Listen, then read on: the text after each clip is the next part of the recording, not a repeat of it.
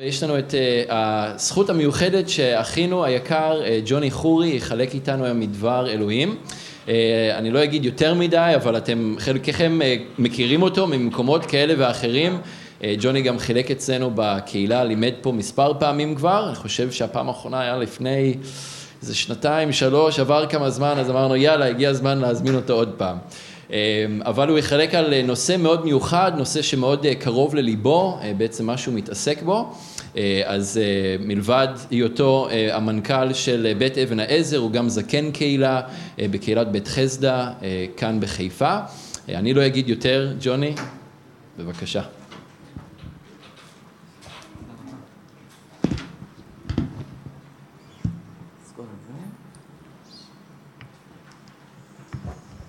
טוב, זאת קודם כל הזכות שלי להיות פה ולחלק איתכם. תודה על ההזדמנות.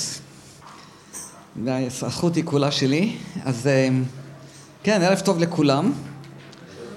אני הרבה פעמים אוהב לפתוח את הדרשות, את המסרים שלי עם שאלה, ככה קצת ככה לרכז את כולם במחשבות שלנו. והשאלה שאני רוצה לשאול זה מה גרם לכם היום בבוקר להתעורר? מה הניע אתכם לקום בבוקר? האם אה, אתם מכירים את התחושה הזאת שיש בקרים שאתם לא רוצים להתעורר. לא בא לי להתעורר היום. בא לי להישאר במיטה, אולי זה מתחיל אפילו בלילה לפני. אני מרגיש שעוד יום הוא מועקה בשבילי. אני אשאל עוד שאלה. מה אתם חושבים היה גורם לכם כן לרצות להתעורר בבוקר? מה היה נותן לכם את המוטיבציה? אני חושב שכולנו צריכים שיהיה לנו איזשהו ייעוד מסוים.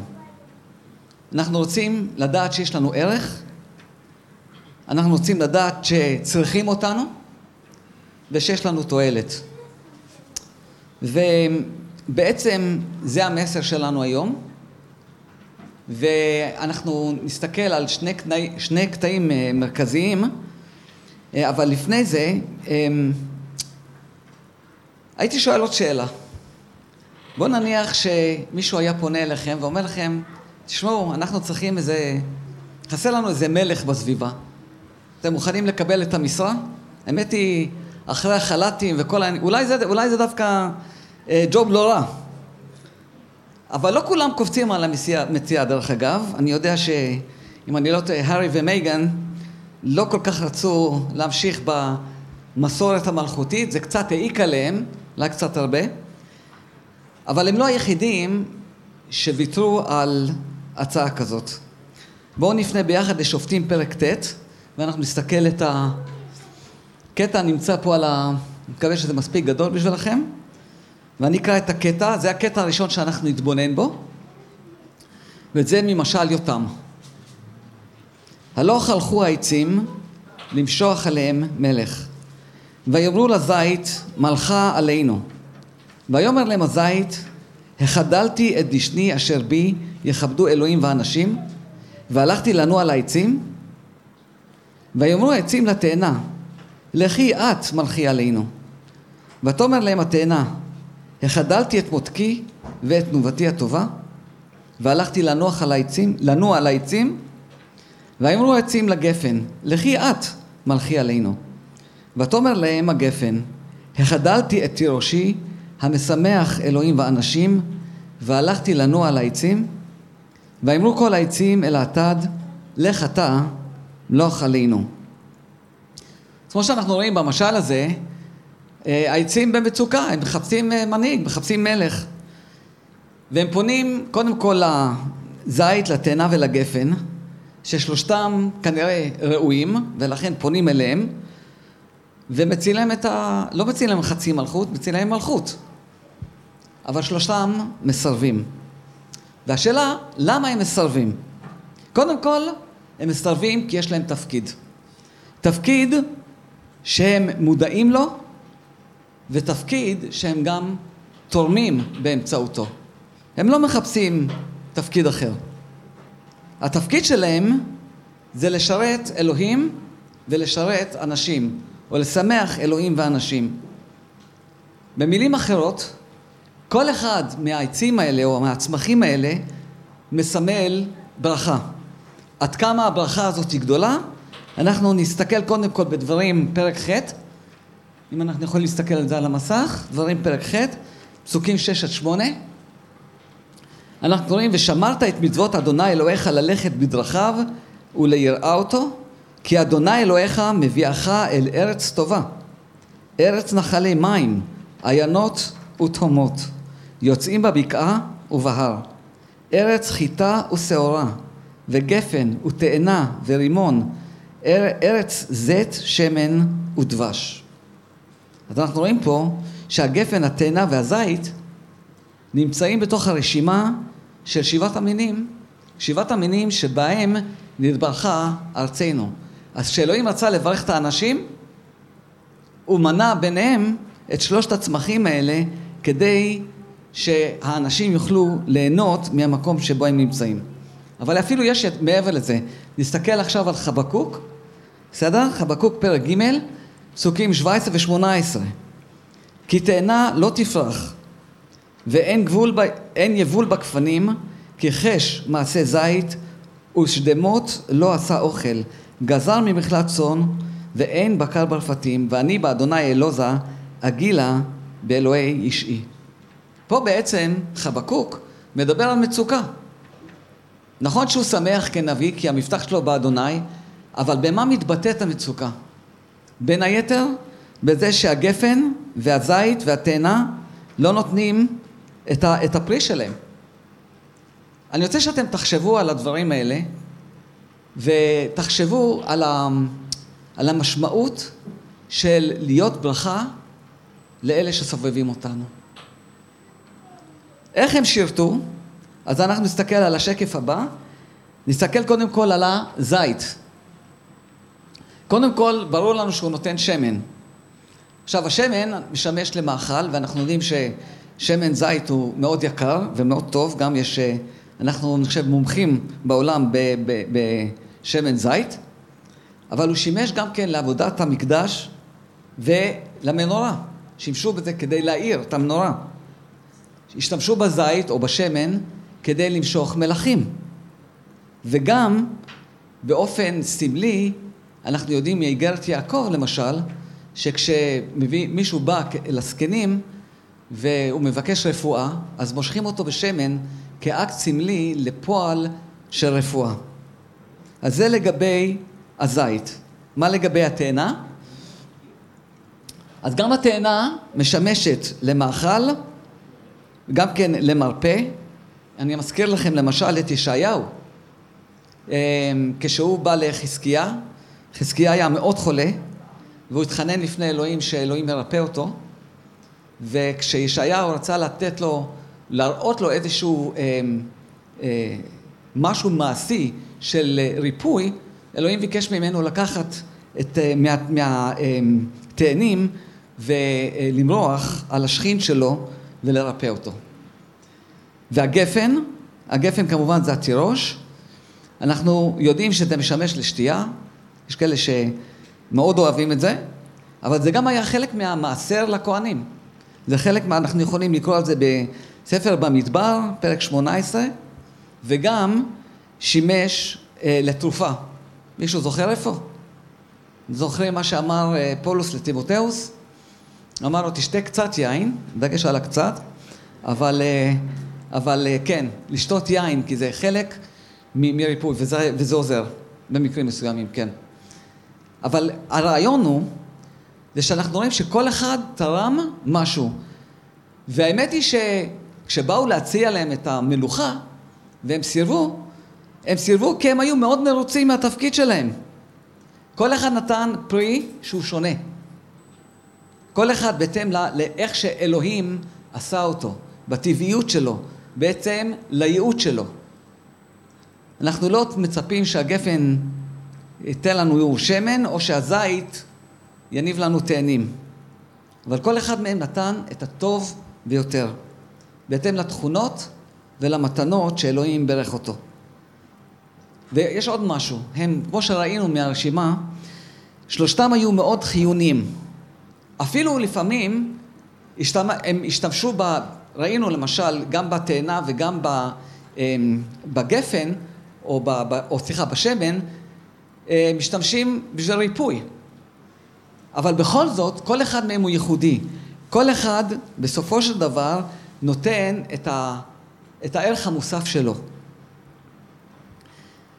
ועוד משהו, אלוהים לא נתן רק את הגפן, או רק את התאנה. הוא נתן את שבעת המינים. וכדי שהברכה תהיה מלאה, צריך את כולם. כל אחד תורם את חלקו.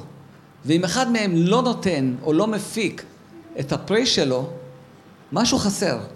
משהו בברכה חסר, משהו בשמחה חסר. אבל יש עוד משהו. אתם יודעים, כשפנו אליהם, הם, הם לא היו בשעת משבר. אולי אם היו במשבר, הם היו לוקחים את התפקיד. העניין הוא זה שהם עדיין מילאו את התפקיד שלהם.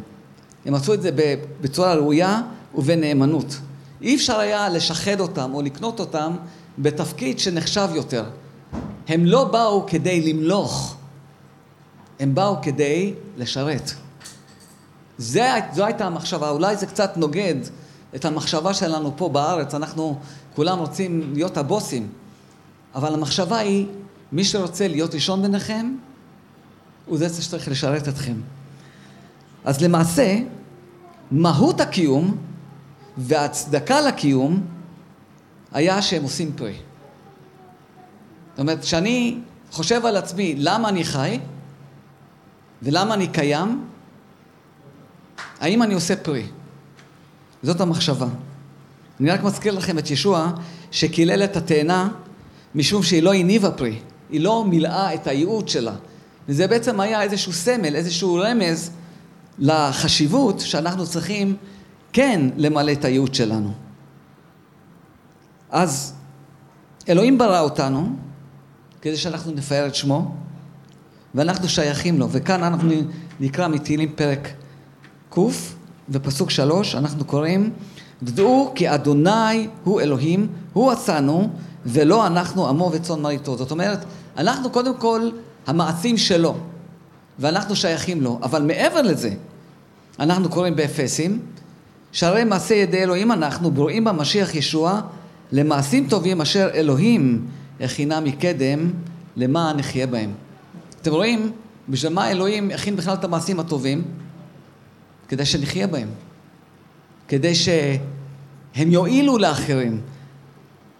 אז אני חושב שאולי זה עכשיו יותר ברור לנו, שאנחנו צריכים מצד אחד להניב פרי שהוא לכבוד אלוהים, מצד שני, אני מקווה שהנוכחות שלנו, הנוכחות שלנו מהווה ברכה לאלה שהם סביבנו. עכשיו, אנחנו מתקרבים קצת יותר לנושא שלנו, כי זה היה די כללי לכולם. אמ, יש כאלה שיגידו, טוב, הכל טוב ויפה, אבל זה היה טוב כשהייתי צעיר וחזק. הייתה לי מוטיבציה, היה לי חזון. עכשיו אני זקן חסר תועלת. אני שמעתי את המילים האלה. אני שמעתי אנשים שאומרים שזאת הגישה שלהם. עכשיו זה התפקיד של הצעירים, שהם ייקחו אחריות, שהם יעבדו. זה, אני סיימתי, את ה, סיימתי מבחינתי את, ה, את הקריירה, אם תרצו. עכשיו תראו, זו גישה שהיא לא צומחת יש מאין, אה, היא לא צומחת סתם. אני חושב שזה זה לא רק מה שאומרים לנו או משדרים לנו מהחברה. אתם יודעים, לפני, לא יודע כמה זמן זה כבר, 40 שנה, היה, זוכרים את צביקה פיק. העולם שייך לצעירים. ויש אנשים שהאמינו את זה. האמינו את, לזה. אה, אני, אני אפילו שמעתי מאמינים מבוגרים שאפילו במהלך תקופת הקורונה הם אמרו שהם מרגישים מיותרים, אולי אפילו עדיף שימותו, בשביל מה? זה, הם רק מהווים מעמסה, מעמסה על החברה. אני שמעתי את זה במו עיניי, אה, אוזניי, סליחה. יותר נכון, כן, אבל שמעתי את זה. אה, אבל לאלוהים יש תוכנית. לאלוהים יש דרך שהוא מסתכל עלינו שהיא שונה מהחברה. כן, ויש לו גם ציפיות. יש לו ציפיות מאיתנו. אני אגלה לכם סוד. לא צריך להיות זקן כדי להיות חסר תועלת. תסתכלו מסביב, בחוץ, יש הרבה אנשים שהם תחת ההגדרה הזאת של, בעברית, אתם יודעים מה זה, הביטוי הזה, בליעל, חסר תועלת. זה המשמעות של בליעל. אנשים שהם חסרי תועלת. אמ, אבל הפסוקים הם מאוד ברורים. אנחנו לא יעילים מעצמנו, אלא המעשים הטובים שאלוהים מכין אותם כחלק מהתוכנית שאנחנו נתהלך בהם. והוא רוצה שלא אלוהים יהיה חלק מהתוכנית שלנו, אלא שאנחנו נהיה חלק מהתוכנית שלו. ויש הבדל. כי הוא זה שמתכנן, ואנחנו צריכים להוציא לפועל. וזה נכון מההתחלה ועד הסוף. עכשיו, כשאני אומר התחלה, מה זאת התחלה? אולי אנחנו יכולים להסכים שנקודת התחלה, בואו נניח שאנחנו נושענו, כי אנחנו מבינים את התכלית של אלוהים בחיים שלנו. השאלה היא זה מתי הסוף. האם זה מתי שאנחנו קובעים, או מתי שאלוהים קובע. אמ, אני חושב שכל עוד אלוהים נותן לנו חיים, ואני אפילו לא, ואני לא מתייחס למצב אפילו השכלי או הפיזי שלנו. אני תכף אסביר לכם למה אני, למה אני אומר את זה. כל עוד יש נשמה באפינו, אלוהים רוצה שאנחנו נהיה כאן. אני מבטיח לכם. אם הוא לא רוצה שנהיה כאן, אז הוא מחליט, הגיע הזמן, סוגרים את הבסטה. בינתיים, אלוהים רוצה להשתמש בנו. עכשיו, למה אני אומר שגם כשזה קשור אפילו ל...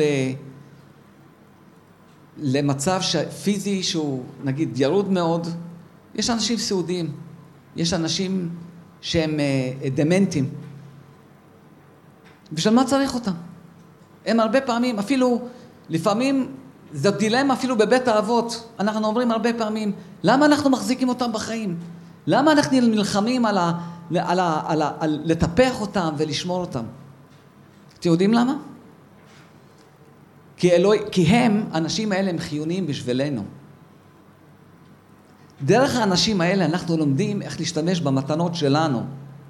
להשתמש בצורה של אחריות, של אהבה, של הקרבה, וכשאנחנו מגלים את זה כלפי האנשים האלה, אנחנו נבנים, אנחנו מתברכים, וזאת עדות למי הוא האדון ישוע.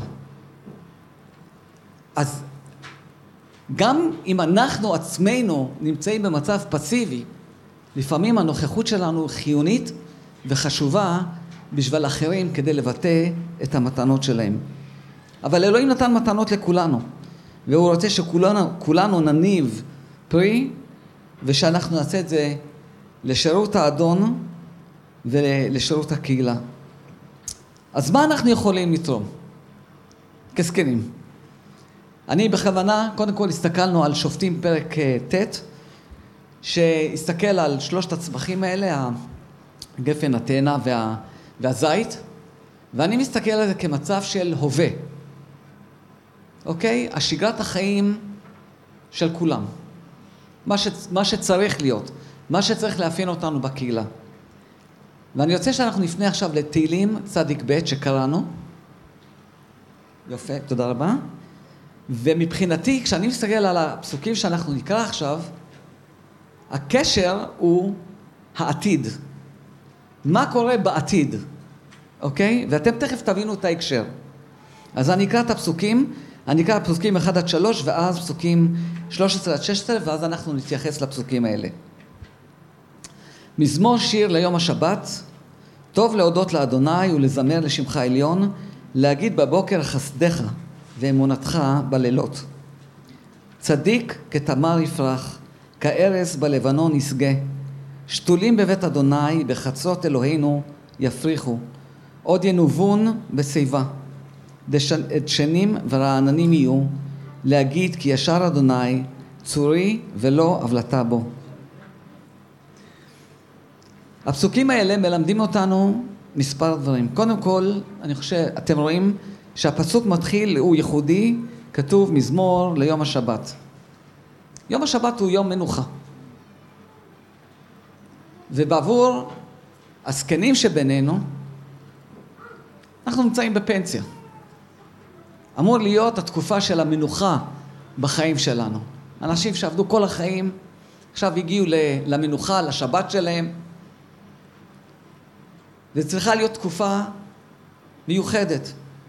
אבל אני רוצה להזכיר לכם שהשבת היא יום מנוחה, אבל לא יום של אבטלה רוחנית. בשבת הכהנים עדיין עבדו בבית המקדש. השבת נועדה, כמו שאנחנו קוראים פה, להודיה, לזמרה, לתפילה. להגיד בבוקר חסדיך ואמונתך בלילות. מה זה להגיד בבוקר חסדיך ואמונתך בלילות? אני חושב שבעבור אנשים מבוגרים שישנים פחות, הבוקר והלילה הם, הם מובנים יותר. נכון? יש אנשים שמזדהים עם זה, כן. הם, לקום בבוקר, אבל לקום בבוקר ולהודות לאלוהים שהוא נתן לי עוד יום. לא לקום בדיכאון. בגלל שאני מבין שאלוהים נתן לי את היום הזה, והוא רוצה להשתמש בי. ש, שיש לי ערך. ובסוף היום, להסתכל אחורה ולהגיד לאלוהים, אתה נאמן. עברתי עוד יום בנאמנות שלך. וזה בעצם, היום הזה שאנחנו בבוקר חסדיך ומונתך בלילות, זה בעצם להסתכל אחורה על כל תקופת החיים ולראות איך אלוהים הוא נאמן לאורך כל השנים. עכשיו, כמו שאתם רואים פה, אנשי אלוהים משול, משולים לתמר ולארזים.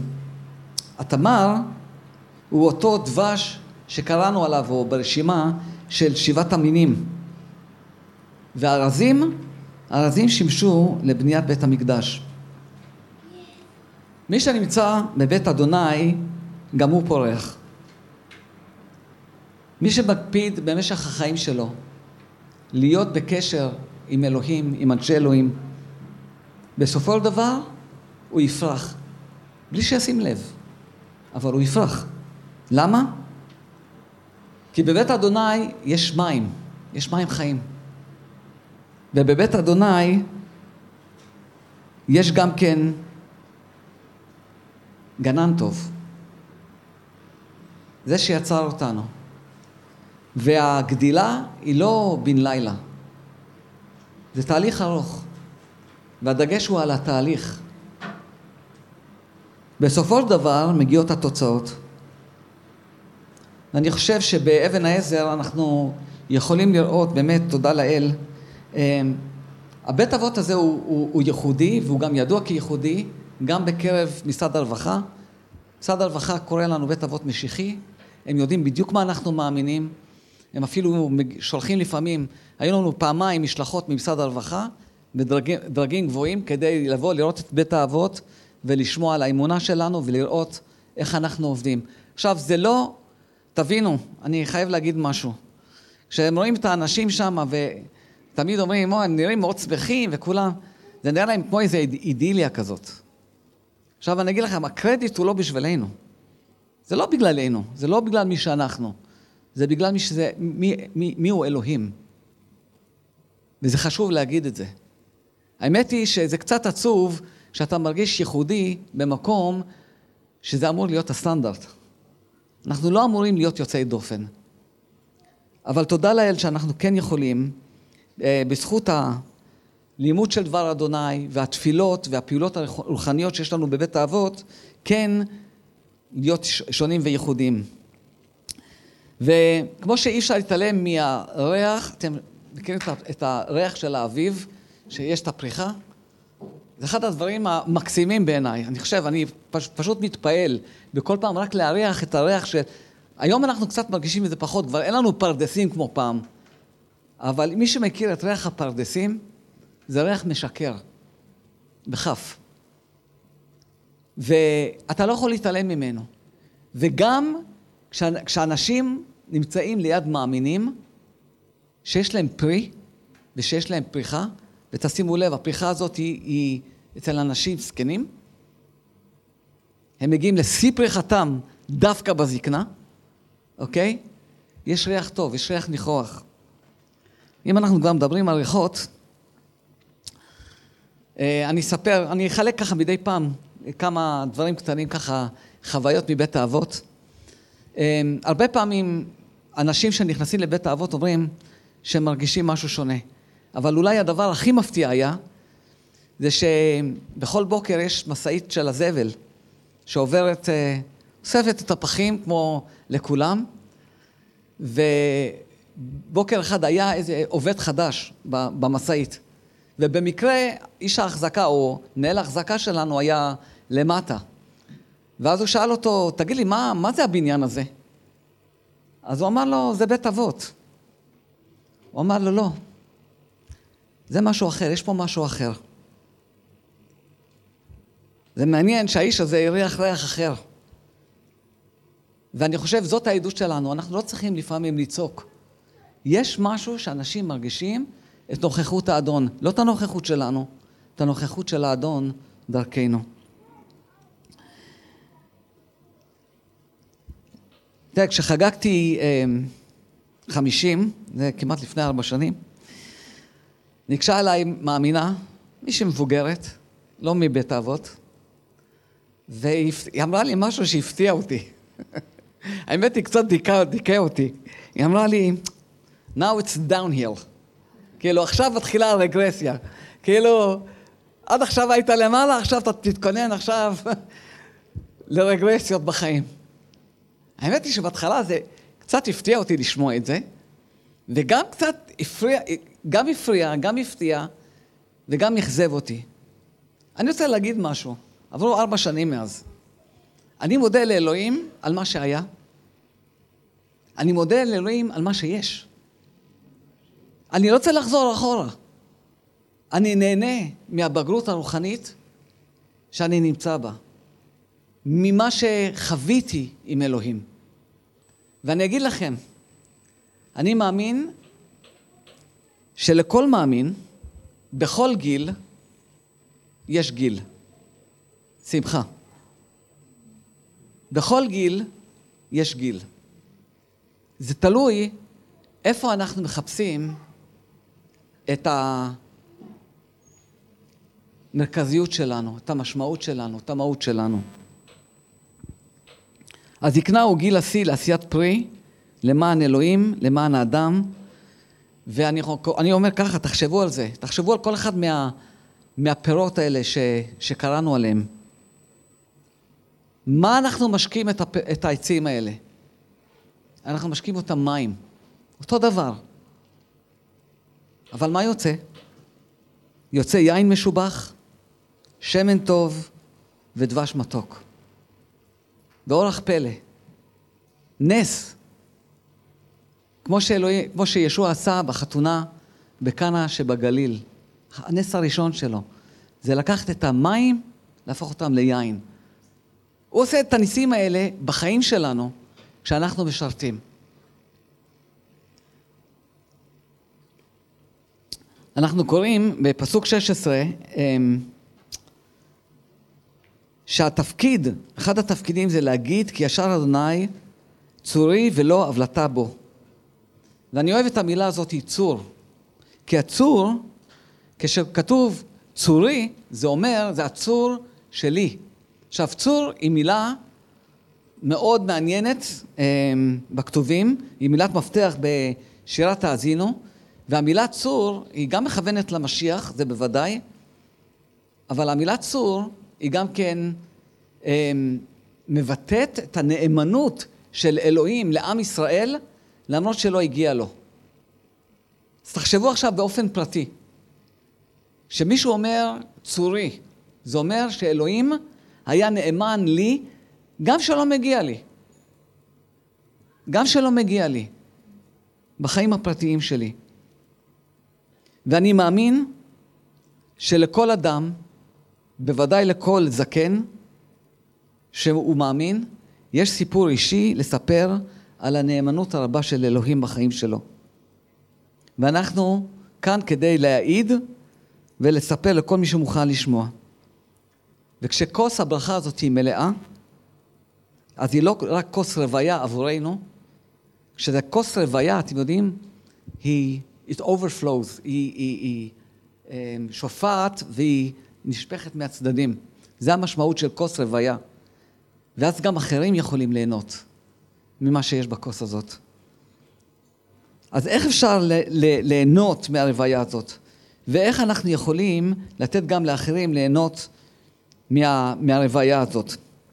אז אני רוצה להגיד לכם משהו ולקשר עכשיו בין, בין הקטעים האלה. כשאנחנו קראנו בתהילים צדיק ב' על הפרי שהם עושים ועל הפריחה, זה תלוי על מה שקרה בשופטים פרק ט'. מה שאני מתכוון, זה לא שאנחנו מגיעים בגיל זקנה ומתעוררים ופתאום יש פריחה. אורח החיים שלנו כצמחים או, או, או עצי פרי בשופטים פרק ט', כמו המשל הזה, הוא זה שמבטיח שכשנגיע לגיל זקנה, תהיה פריחה. אמ, יש אנשים אולי שמרגישים שהם חסרי תועלת, אבל זה אולי בגלל שאורח החיים שלהם היה כזה שהם לא אפשרו לאלוהים לפעול דרכם. לא נתנו לאנשים ליהנות מהמתנות שאלוהים נתן להם. אני רוצה להגיד לכם משהו. הרגלים טובים ורעים, הרגלים ישנים, שאנחנו צוברים במהלך השנים, לא מזדקנים איתנו. הם לא מזדקנים איתנו. הם הופכים להיות חלק ממי שאנחנו. חלק מהאישיות שלנו, חלק מהאופי שלנו. כשאנחנו מגיעים לגיל זקנה, זה מקבל פוקוס. זה רואים את זה יותר, בצורה יותר ברורה. לא פעם אני ושושי אה, ככה חושבים לעצמנו, מעניין איך אנחנו נהיה כשנהיה זקנים. והרבה פעמים אני אומר, זה הזמן להתחיל לעבוד על עצמנו. כי אני אגיד לכם מה קורה בגיל זקנה, זה לא רק שההרגלים שלנו הם הופכים להיות חלק מאיתנו, קורה עוד משהו. אנחנו, ואני גם שם את זה, שם לב גם אצלי, לאט לאט אנחנו מתחילים לקלף מעצמנו את כל הפילטרים. לא מעניין אותנו כבר כל כך מה אנשים חושבים, לא צריכים לעשות רושם על אף אחד. אנחנו מתחילים לקלף מעצמנו את כל הפילטרים, כל ההגנות האלה, כמו שכבות של בצל. הבעיה היא זה שכשמקלפים בצל, זה גורם לך לדמוע. לא רק לך, גם אלה סביבך. וזה ממש, אני חושב, דוגמה טובה למה שקורה לפעמים. כולנו, לכולנו יש את ההרגלים הלא טובים שלנו. אבל אתם יודעים, יש לזה פתרון. בדקתי איך אפשר לקלף בצד בלי שזה יגרום לאחרים לדמוע. מתחת למים. יש את דבר אלוהים. אה, אבל אתם יודעים, יש מקרים אחרים שגורמים לנו לדמוע מהתרגשות. וכאן אני רוצה לספר לכם עוד סיפור מבית האבות. הייתה לנו איזה דיירת אחת ששושי פגשה ככה בכניסה, ושושי אמרה לה, וואו, אני, אני כל כך שמחה לראות אותך עומדת על, ה, על הרגליים, היו לה בעיות רציניות בברכיים, היא עברה ניתוח. היא אומרת לה, איזה יופי, אני כל כך, את, את נראית שמחה, ואני כל כך שמחה שאת יכולה ללכת. אתם יודעים מה היא ענתה לשושי? היא אמרה לה, אני לא שמחה שאני יכולה ללכת. אני מודה לאלוהים שסוף סוף אני יכולה להיות על הברכיים שלי בתפילה, כמו שנהגתי לעשות לפני כן. זה מה שהיה חשוב לה. זאת אומרת, זה היה הרגל מילדות. זה לא משהו שפתאום שהייתה בבית האבות, אז היא קיבלה איזושהי הילה כזאת, ולא. זה משהו שהיא, משהו שהפך, משהו שהושרש בה. בתהילים פרק צדיק, אפשר פה להראות את הפסוק הבא, כן? אנחנו קוראים, ימי שנותינו והם שבעים שנה, ואם בגבורות שמונים שנה, ורבם עמל ואבן, כי גז, חיש ונעופה. חיים יכולים להיות קשים, חיים עוברים מהר, אבל כתוב, אני לא כתבתי את זה, גיל 80 הוא גיל גבורות. ואני רוצה, ככה לקראת סיום, להתייחס לשלוש דמויות, בני 80, בכתובים, ולראות איך אלוהים משתמש בהם דווקא בזקנה שלהם. אוקיי, בגיל הגבורות שלהם. רוצה להתחיל עם דניאל הנביא. דניאל הגיע משהו בגיל 10, 12, 15 לבבל, נכון? כנער יהודי, חי במציאות שנכפתה עליו, במקום מנוכר, תרבות שונה, ובקלות הוא היה יכול להיות מריר ומרדן. היו לו, אפשר היה להבין אותו. אבל כתוב שרוח אלוהים הייתה בו. הייתה בו רוח יתרה, רוח אחרת. והוא בחר לברך אנשים ולברך את אלוהים. לכן אלוהים ברך אותו, השתמש בו ותמיד שמר עליו. ומה קרה כשהגיעו זמנים קשים? נראה את הפסוק הבא. בפרק ו', פסוק 11, אנחנו קוראים, כאשר נודע לדניאל כי התעודה נכתבה, נכנס לביתו, אשר בעלייתו חלונות פתוחים לעבר ירושלים, ושלוש פעמים ביום היה קורע ברך ומתפלל ומודה לפני אלוהיו, כאשר היה עושה גם לפני כן. זה לא היה משהו חדש, זה היה הרגל. הוא היה קורע ברך ומתפלל ומודה לפני אלוהיו שלוש פעמים ביום. אפשר לראות גם את החלק, את הדבר הבא. אם תרצו, להגיד בבוקר חסדך, אני הוספתי, טובך בצהריים ואמונתך בלילות. טוב שנעשה את ההרגל הזה אה, גם עכשיו. אבל גם כשהוא הגיע לגיל זקנה, שום דבר לא השתנה. הוא כבר היה, אם נעשה חשבון של 70 שנות גלות, והוא היה בסביבות בין 10, 12, 15 בבבל, אז הוא היה בסביבות ה-80, 85. Yeah, הגיע הזמן לעשות עלייה, נכון? לחזור לארץ. טוב, הוא הבין שהוא לא... זה כנראה לא יקרה עבורו. אבל הוא חשב על הדור הבא. מה הוא עשה? התפלל. התפלל בשביל הדור הבא. אלוהים השתמש בו כי הוא ידע איך להתפלל ועל מה להתפלל. והוא היה ברכה לסובבים אותו. משה דווקא התחיל קריירה חדשה בגיל 80. איפה שדניאל פחות או יותר סיים אותה, משה רק התחיל. עכשיו, הוא היה חלש פיזית. כשהיה את המלחמה נגד עמלק, מי שנלחם זה יהושע בן נון, וכמה שהוא היה חלש, אנחנו יודעים מזה שהוא גם, שהוא התפלל, היו שני אנשים שצריכים להחזיק לו את הידיים, לתמוך לו את הידיים. אבל אולי הוא היה חלש פיזית, אבל לא רוחנית. המלחמה האמיתית הייתה המלחמה הרוחנית נגד עמלק. והיא הייתה, ההכרעה של המלחמה הייתה תלויה לא ביהושע בן נון, אלא במשה. ואנשים ידעו את זה. וזו הסיבה שגם הם טבחו את הידיים שלו. הוא היה צריך למלא את התפקיד שלו לפי מה שאלוהים הטיל עליו. אמ, דרך אגב, אם אנחנו מדברים על, אה, על אה, אמ, תובנה רוחנית או יכולת רוחנית של אנשים מבוגרים, אמ, אני רק אזכיר את אחיה השילוני. אחיה השילוני היה בתקופה של ירבעם אה, ושלמה, וכתוב שבשלב מסוים העיניים שלו, הוא, הוא, הוא כבר לא ראה בגלל הזקנה שלו. ואשת ירבעם ואשתו ניסו לעבוד עליו, מה שנקרא. אשת ירבעם באה אליו כדי, והתחפשה, כדי ש... כאילו, הוא גם ככה לא ראה, אבל ליתר ביטחון התחפשה, כדי לבוא ולשמוע ממנו משהו לגבי הבן החולה שלהם. אבל זה לא עזר. מפני שאחיה שילוני עדיין היה בתפקיד. אפילו שהוא היה עיוור. זה לא גרם, גרם לו תירוץ לא להיות כלי בידיים של אלוהים. ואלוהים משתמש בו. הדמות האחרונה זה של ברזילי הגלעדי. כתוב עליו שהוא היה זקן מאוד, בן 80 שנה. זקן מאוד. אבל הוא היה לברכה ולתועלת לדוד בזמן שהוא ברח מאבשלום. הוא זה שכלכל את המלך כשהוא ישב במחניים. הוא נתן ממה שיש לו, והוא נתן המון, בשפע.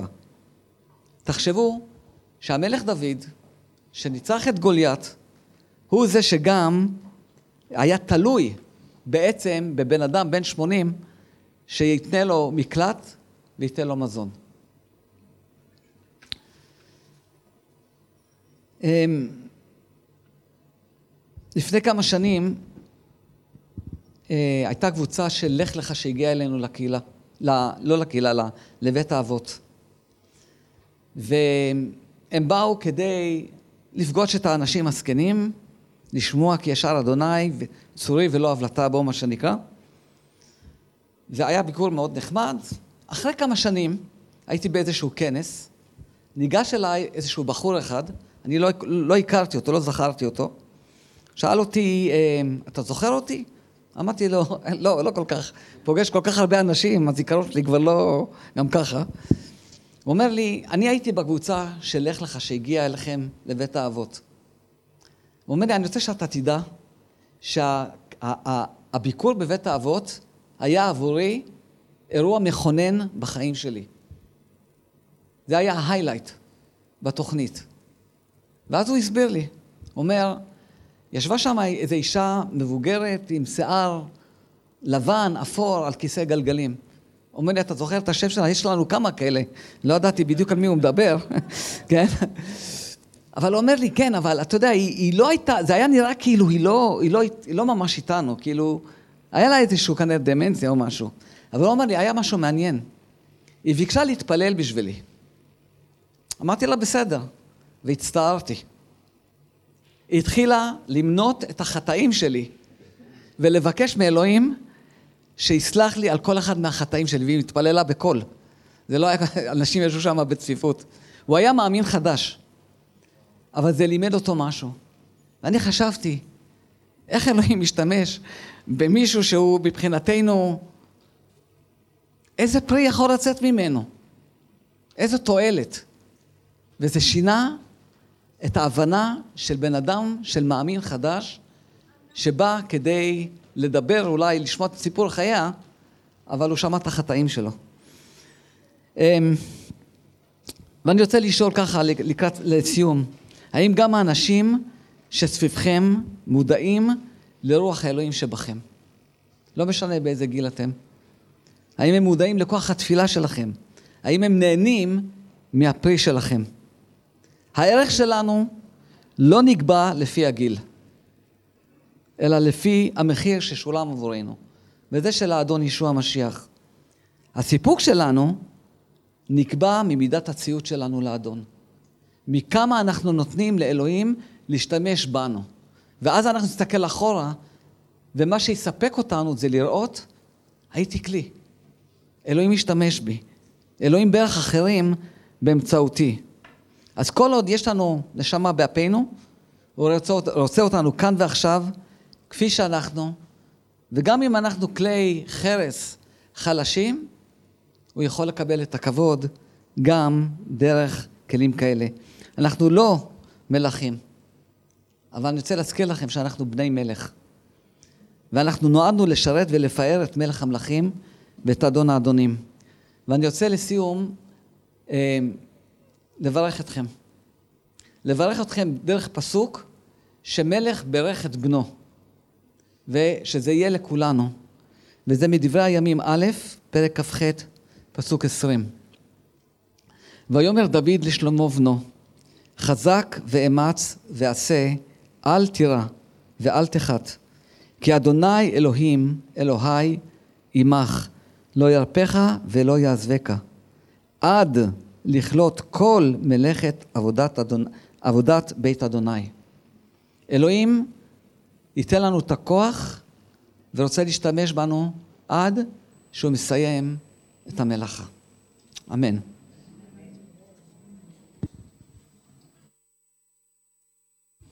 תודה רבה, ג'וני. אמ, תוך כדי שחילקת, אני נזכרתי אני קורא לו סבא שלי, הוא אה, היה דוד של אבא שלי, אז אני לא יודע אם יש שם לזה בכלל בעברית, דוד רבא, משהו כזה. באנגלית אומרים great uncle. אמ, והוא אה, היה איש אה, מעניין, קראו לו מונטי. הוא נפטר לפני שנה וחצי, קצת יותר, בגיל גבורות מאוד, 97, אני חושב שהוא היה. אמ, והוא אף פעם לא ניסה, אה, הוא היה רווק ולא היו לו ילדים, לא הייתה לו משפחה משל עצמו. אה, והוא בא לארץ, הוא עשה עלייה בגיל 77, הוא חי פה 20 אה, שנה כמעט. ולא הרבה שנים לפני כן הוא גם בא לאמונה, אז כל החיים שלו הוא בעצם חי כגבר שובב, אני אגיד את זה ככה, כשאלוהים לא היה בתמונה בחיים שלו. ו, וג'וני דיבר על ההרגלים האלה, ו, והוא, להגיד את האמת, היו לו הרבה הרגלים לא טובים, מה לעשות, הוא עבר את רוב החיים בלי האדון. אבל אחד מהדברים שתמיד בלטו אצלו זה כמה שהוא פשוט נשאר ממש כמו ילד. עכשיו, אני יודע שאומרים את זה הרבה פעמים עלינו, על הגברים, שאנחנו נשארים ילדים, אצלו זה באמת היה ככה. והוא היה, היה פשוט מגחך ומצחקק על כל מיני דברים, והיה לו פשוט מין חוש הומור כזה. ואני זוכר, זה אחד מהדברים שהוא, בגיל המופלג שלו, שהוא בא לאמונה, שהוא בא להכיר את אלוהים ולדעת את ישוע, אחד מהדברים, אני חושב, בשבילי לפחות, הדבר שהכי בלט אה, אצלו עבורי, היה איך שהוא היה ילד באדון. איך שהוא פשוט היה ילד לפני אלוהים. עם כל מה שהוא עבר בחיים וכל מה שהוא חווה, כשהוא היה מדבר על אלוהים, הוא היה מתרגש כמו ילד קטן. הוא היה אפילו בוכה כשהוא היה מדבר על אלוהים, זה היה מרגש אותו עד כדי כך, הייתה לו ממש אמונה כמו של ילד. אמ, וזה, אני זוכר, אני הרבה יותר צעיר ממנו, הרבה הרבה יותר צעיר ממנו, אה, יותר שנים באדון, אבל אה, זה הזכיר לי, כל פעם שהיינו רואים אותו וכל פעם שהיינו אה, מדברים על דברים, זה פשוט היה מזכיר איך זה להיות ילד לפני אלוהים. אז זה הרגל שככה היה לו במהלך החיים וזה מישהו הפך להיות, אבל זה בא לידי ביטוי בצורה כל כך יפה אה, באמונה שלו גם כן, וזה אתגר אותי. זה אתגר אותי להיזכר איך להיות ילד לפני אלוהים, אה, ואיך אה, לשמוח בו בצורה הזו. אה, וחשבתי גם על הפסוקים האלה מספר ישעיה, איפה זה? בפרק מ"ו, 46, כתוב שמעו, אלוהים מדבר ואומר שמעו אליי בית יעקב וכל שארית בית ישראל העמוסים מיני בטן הנשואים מיני רחם. ועד זקנה אני הוא, ועד שיבה אני אסבול. אני עשיתי ואני אשא ואני אסבול ואמלט. ומה שבולט לי בפסוקים האלה זה איך שגם ברחם, אה, או מהרחם אני אגיד, אלוהים נושא אותנו, והוא אה, סובל אותנו, הוא מחזיק אותנו בידיו. אבל זה לא מסתיים ברגע שאנחנו יוצאים לאוויר העולם. אנחנו אולי חושבים שאנחנו נושאים את עצמנו, אבל הוא ממשיך לשאת אותנו, והוא ממשיך להחזיק אותנו עד שיבה. עד הימים האחרונים שלנו. אז אה, ג'וני, תודה רבה על זה, ואנחנו, אה, כמו שאלוהים אומר שהוא סובל והוא מחזיק, אז אנחנו רוצים לקחת דוגמה כמוהו וגם לשאת גם את, את אנשי הגבורה שלנו, אה, אולי צריך להחליף את השם של קבוצת הוותיקים לקבוצת הגיבורים. אה, ופשוט לשאת אה, גם את אנשי הגבורה שלנו בתפילה. וגם אני רוצה שנתפלל ביחד, גם בשביל ג'וני ושושנה וכל הצוות בבית אבן העזר, וגם לשאת אותם בתפילה, ואני מפציר בכם. אה, גם לזכור אותם בתפילה, לא רק עכשיו, אלא באופן כללי אה, על כל מה שהם עושים ועל העדות המופלאה שמהווים כאן בעיר חיפה ובכלל אה, בכל המדינה לכל גורמי הממשל. אז בואו תתפללו ביחד איתי ואז אנחנו נסיים בשיר. אדון, אנחנו מודים לך על החסד שלך שאופף אותנו, שרודף אותנו, שמלווה אותנו כל ימי חיינו. אדון, ממתי שאנחנו נוצרים אה, כתא אה, מיקרוסקופי ברחם של אימנו, אדון, ועד נשימתנו האחרונה כאן בארץ. אדון, אתה נושא אותנו, אתה לוקח אותנו, אתה מוביל אותנו, אדון, אתה מחזיק אותנו בידיך הטובות. אדון, אנחנו מודים לך על גיל הגבורות, אנחנו מודים לך על אלה בקרבנו שהם בגיל הזה. אנחנו רוצים לברך אותם. הערב אדון. אנחנו רוצים להודות לך עבורם ולברך אותם שכפי ששמענו הם ימשיכו לפרוח, שהם ימשיכו, אה, אדון, אה, אה, להוציא ריח טוב ולהניב פרי טוב בחיים שלהם. אדון, אנחנו יודעים שיש אתגרים לא קלים בגיל הזה, אה, אדון, שהגוף הולך ומתכלה, כמו שגם שאול כותב לנו, אבל אדון, אנחנו מודים לך שהאיש הרוחני שלהם הולך ומתחזק, הולך ונבנה בך. ואנחנו מבקשים, אדון, שאתה תמשיך לחזק אותם, שתמשיך לברך אותם בכל אספקט, בכל אה, מובן בחיים שלהם, שהם יהיו רעננים ומדושנים, אדון, שהם יוכלו לעמוד ולהגיד כמה שאתה טוב, כמה שאין הבלטה בך. אדון, אנחנו גם רוצים להודות לך על אה, ג'וני, אדון, על מה שהוא חילק איתנו הערב, אה, אדון, ועל אה, שושי ועל כל הצוות בבית אבן העזר. אנחנו מודים לך שאתה נתת את בית האבות המשיחי הזה דווקא כאן בחיפה, שיש לנו זכות לדעת שהם כאן, קרובים אלינו. אדון, ואנחנו רוצים פשוט לברך אותם. אנחנו רוצים, אדון, לברך אותם ולבקש שאתה תמשיך ללכת לפניהם. אדוני, שאתה תמשיך אה, להוביל אותם בחוכמה לכל הצרכים שיש וכל האתגרים שהם אה, ניצבים מולם. אדון, אתה יודע יותר טוב מכל אחד אחר בדיוק מה הצורך שלהם כרגע. אדון, בין אם זה בעוד אנשי צוות, בין אם זה בעוד אה, חדרים, בין אם זה במקום יותר גדול. אדון, כספים שיוכלו לעזור להם להמשיך ולהחזיק את הפעילות של בית האבות. ואדון, אנחנו רוצים לבקש שאתה תספק כל צורך. אנחנו רוצים לבקש, אדון, שתמלא אותם, את כל הצוות שמוביל את אה, בית אבן העזר, בחוכמה שבאה מלמעלה. אדון, ובהכוונה אה, מדויקת וברורה ממך לגבי הדרך קדימה. אדון, אנחנו נושאים אותם בתפילה, ואנחנו מברכים אותם על כל העשייה שלהם.